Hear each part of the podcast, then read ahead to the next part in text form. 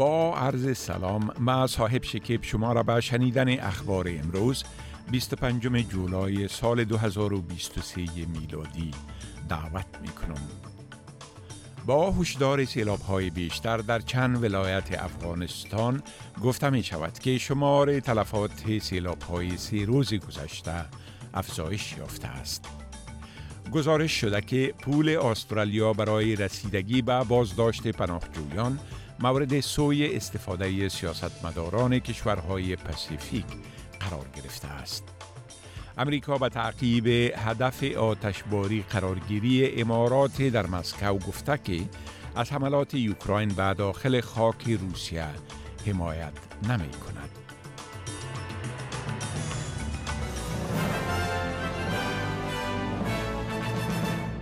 تفصیل اخبار مقامات طالبان با اعلام افزایش قربانیان سیلاب ها در ولایت میدان وردک و نواحی نزدیک کابل درباره بارش بیشتر باران و احتمال سرازیر شدن سیلاب های ویرانگر. هشدار دادند. شفی الله رحیمی سخنگوی وزارت امور رسیدگی به حوادث طالبان در یک بیانیه ویدیویی گفت که شمار کشته شده ها به 38 نفر و تعداد زخمی شده ها به 57 افزایش یافته است. در این حال اداره هواشناسی افغانستان بارندگی شدید و احتمال آمدن سیلاب های بیشتر را در 17 ولایت پیش بینی کرده و از ساکنین خواسته تا در کنار دریاها رفت و آمد نکنند چون بعضی از آنها در معرض سیلابی شدن قرار دارند. شفی الله رحیمی گفته است که در حدود 900 خانه در سیلاب های سه روزی گذشته ویران شدند. مقامات طالبان همچنان گفتند که در هشت ولایت افغانستان به شمول میدان وردک، کابل، ننگرهار، خوست، غزنی و نورستان محصولات زراعتی بیشتر از هفت هزار جریب زمین هم در اثر بارندگی شدید از بین رفته است. صدر اعظم انتونی البنیزی از پیتر داتن رهبر جناح مخالف خواسته است تا درباره گزارش هایی که می گویند پول مالیت دهندگان استرالیا برای رسیدگی به بازداشت پناهجویان به جیب سیاستمداران کشورهای پسیفیک می رفت شفافیت نشان دهد. گزارش شده که این حادثه در زمان رخ داده که آقای داتن به حیث وزیر امور داخله کار می کرد. آقای البنیزی می گوید که اینها اتهامات جدی هستند که باید به آنها رسیدگی شود. He needs to explain exactly what has occurred here. Uh, it has been uh, suggested uh, that he was warned. Uh, he needs to explain exactly what has occurred here because the Australian people deserve an explanation uh, about these events. This is taxpayers' money. And therefore Mr Dutton has a responsibility to explain uh, what occurred on his watch as Home Affairs Minister with this scandal. مدافعان و سازمان های زنان به یک تحقیق سنا در مورد قوانین رضایت اعمال جنسی استرالیا گفتند که این قوانین باید در سراسر کشور هماهنگ شوند. جلسات استماع پارلمانی سه روزه اینک آغاز شده که در جریان آنها تعریف های مختلف در مورد رضایت در حوزه های قضایی مختلف در سراسر استرالیا و چگونگی تأثیر سیستم قضایی بر قربانیان خشونت جنسی بررسی خواهد شد. قوانین رضایت جنسی در نیو ساوت ویلز، کوینزلند، ویکتوریا، تزمینیا و قلمرو پایتخت استرالیا یک نوع از رضایت تاییدی را اتخاذ کردند که این مفهوم را می رساند که سکوت در وقت اقدام به عمل جنسی نمی تواند به حیث رضایت تعبیر شود در حالی که استرالیای غربی، استرالیای جنوبی و قلمرو شمالی این کار را نکردند. چنل کانتاس مؤسس و مدیر اجرایوی سازمان تیچ از کانسنت اظهار تعجب می کند که قوانین رضایت به فعالیت جنسی در سطح ملی یکسان نیستند. think that it's always been very bizarre to me that we have different laws in different jurisdictions around Australia because people travel, people go places to party, to celebrate schoolies, all of these different things. And it's, um, I, I noticed it when I was uh, when Teachers Consent was running a campaign on the criminalisation of stealthing um, unified across Australia. در حالی که آتش سوزی های جنگلی در نیمکره شمالی بیداد می کند، صدر اعظم انتونی البنیزی می گوید که استرالیا باید برای فصل آتش سوزی های آینده آماده باشد. آقای البنیزی امروز صبح را در ملتن در ساحل جنوبی نیو ساوت ویلز گذراند و با داوطلبان مراقبت از زمین صحبت کرد که در بازسازی آن ناحیه پس از فضل آتش سوزی ویرانگر 2019-2020 کمک کردند. او می‌گوید استرالیایی ها نباید پس از فصل های مرتوب لنینا غافل باشند چون متخصصین هشدار می دهند که تابستان امسال ممکن شاهد بازگشت به وضعیت مرگبار آتش سوزی در جنگل ها باشیم. We need to do what we can to prepare for the upcoming season. We've just been through an incredible wet period, but the science and, and uh, climatologists tell us uh, that it's going to be a dry season coming up. Uh, with that, of course, comes risks, and so preparation is also really important. یکی از قوی ترین اتحادیه های استرالیا می خواهد مالیات اضافی بر شرکت های بزرگ به خاطر پرداخت مخارج اعمار خانه های اجتماعی و ارزان قیمت وضع شود. اتحادیه معدن و انرژی، جنگل ها و ساختمانی یا CFMEU وضع مالیات بر منفعت بلند را برای سرمایه گذاری در تعمیرات و حل بحران مسکن در کشور تقاضا می کند. این اتحادیه می گوید که چنین مالیات صرف بر 0.3 فیصد از شرکت های تعمیل خواهد شد که بیشترین منفعت را به دست می آورند. زک سمیت منشی ملی این پیشنهاد بلند پروازانه را امروز در سخنرانی در کلپ مطبوعات ملی مطرح ساخت.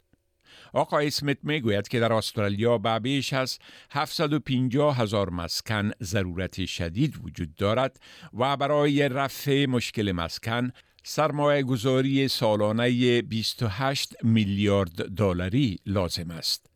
CFMEU می گوید که این مبلغ از طریق وضع مالیات پیشنهادیش بر سود فوقالعاده زیاد به دست خواهد آمد.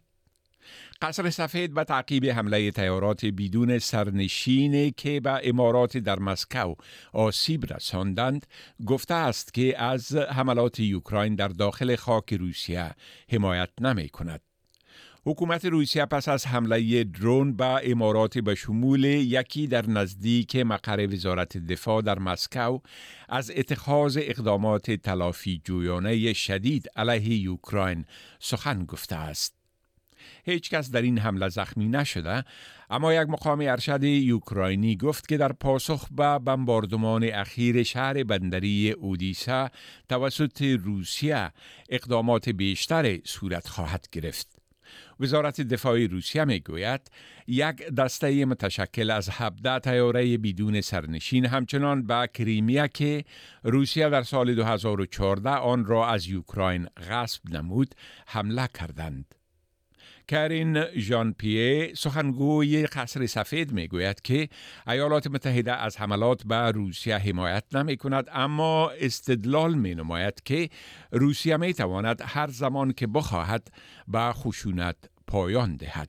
On the drone strikes in in uh, in Moscow, we've been clear that as as a general matter, we do not support attacks inside of Russia.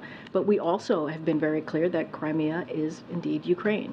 And so, again, this is uh, this is something that when it comes to this war, this is as we all know, Russia started this war, and they can end it at any time, any time, uh, by withdrawing forces uh, from Ukraine instead of launching brutal attacks on civilians. در این حال سازمان ملل متحد حمله روز یکشنبه در یوکراین را که به کلیسای جامعه در اودیسا که تحت حفاظت یونسکو قرار دارد و 22 محل یادگاری دیگر آسیب رساند محکوم کرده است.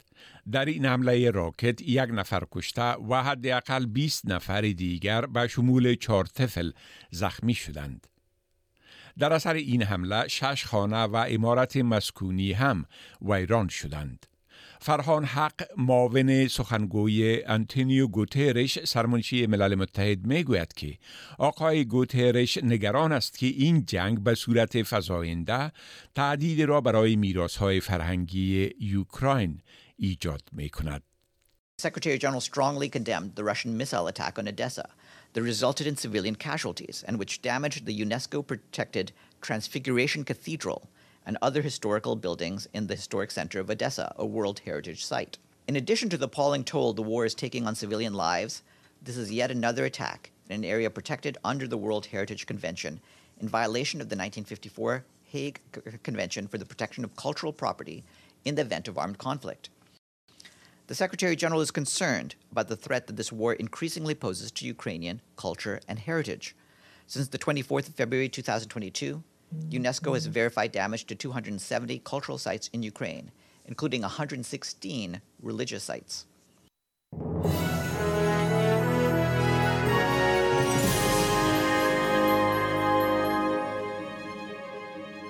حال اخبار ورزش ارزش دلاری استرالیایی در برابر اسعار جهان و عوض هوا برای فردا در حالی که مسابقات جام جهانی فوتبال زنان در استرالیا و نیوزیلند ادامه دارد تیم استرالیا معروف به متلداز بدون کپتان سرشناسش سامکر به تمرینات ادامه می دهد.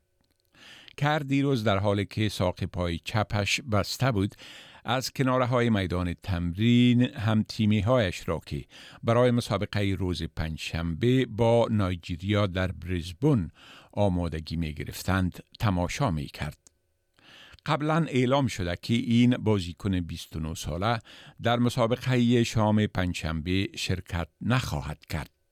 اما در مورد آمادگی او برای بازی در مقابل کانادا که آخرین مسابقه گروپی است ابراز نگرانی می شود. کیرا کونیکراس هافبک تیم استرالیا می گوید تیمش امیدوار برگشت سامکر به بازی است اما آمادگی می گیرند که در صورت عدم برگشت او بتوانند مسابقات را موفقانه انجام دهند. ارزش یک دلار استرالیایی در بازارهای تبادله اسعار معادل تقریبا 58 افغانی 68 سنت امریکایی 61 سنت یورو و 53 پنس بریتانوی می باشد.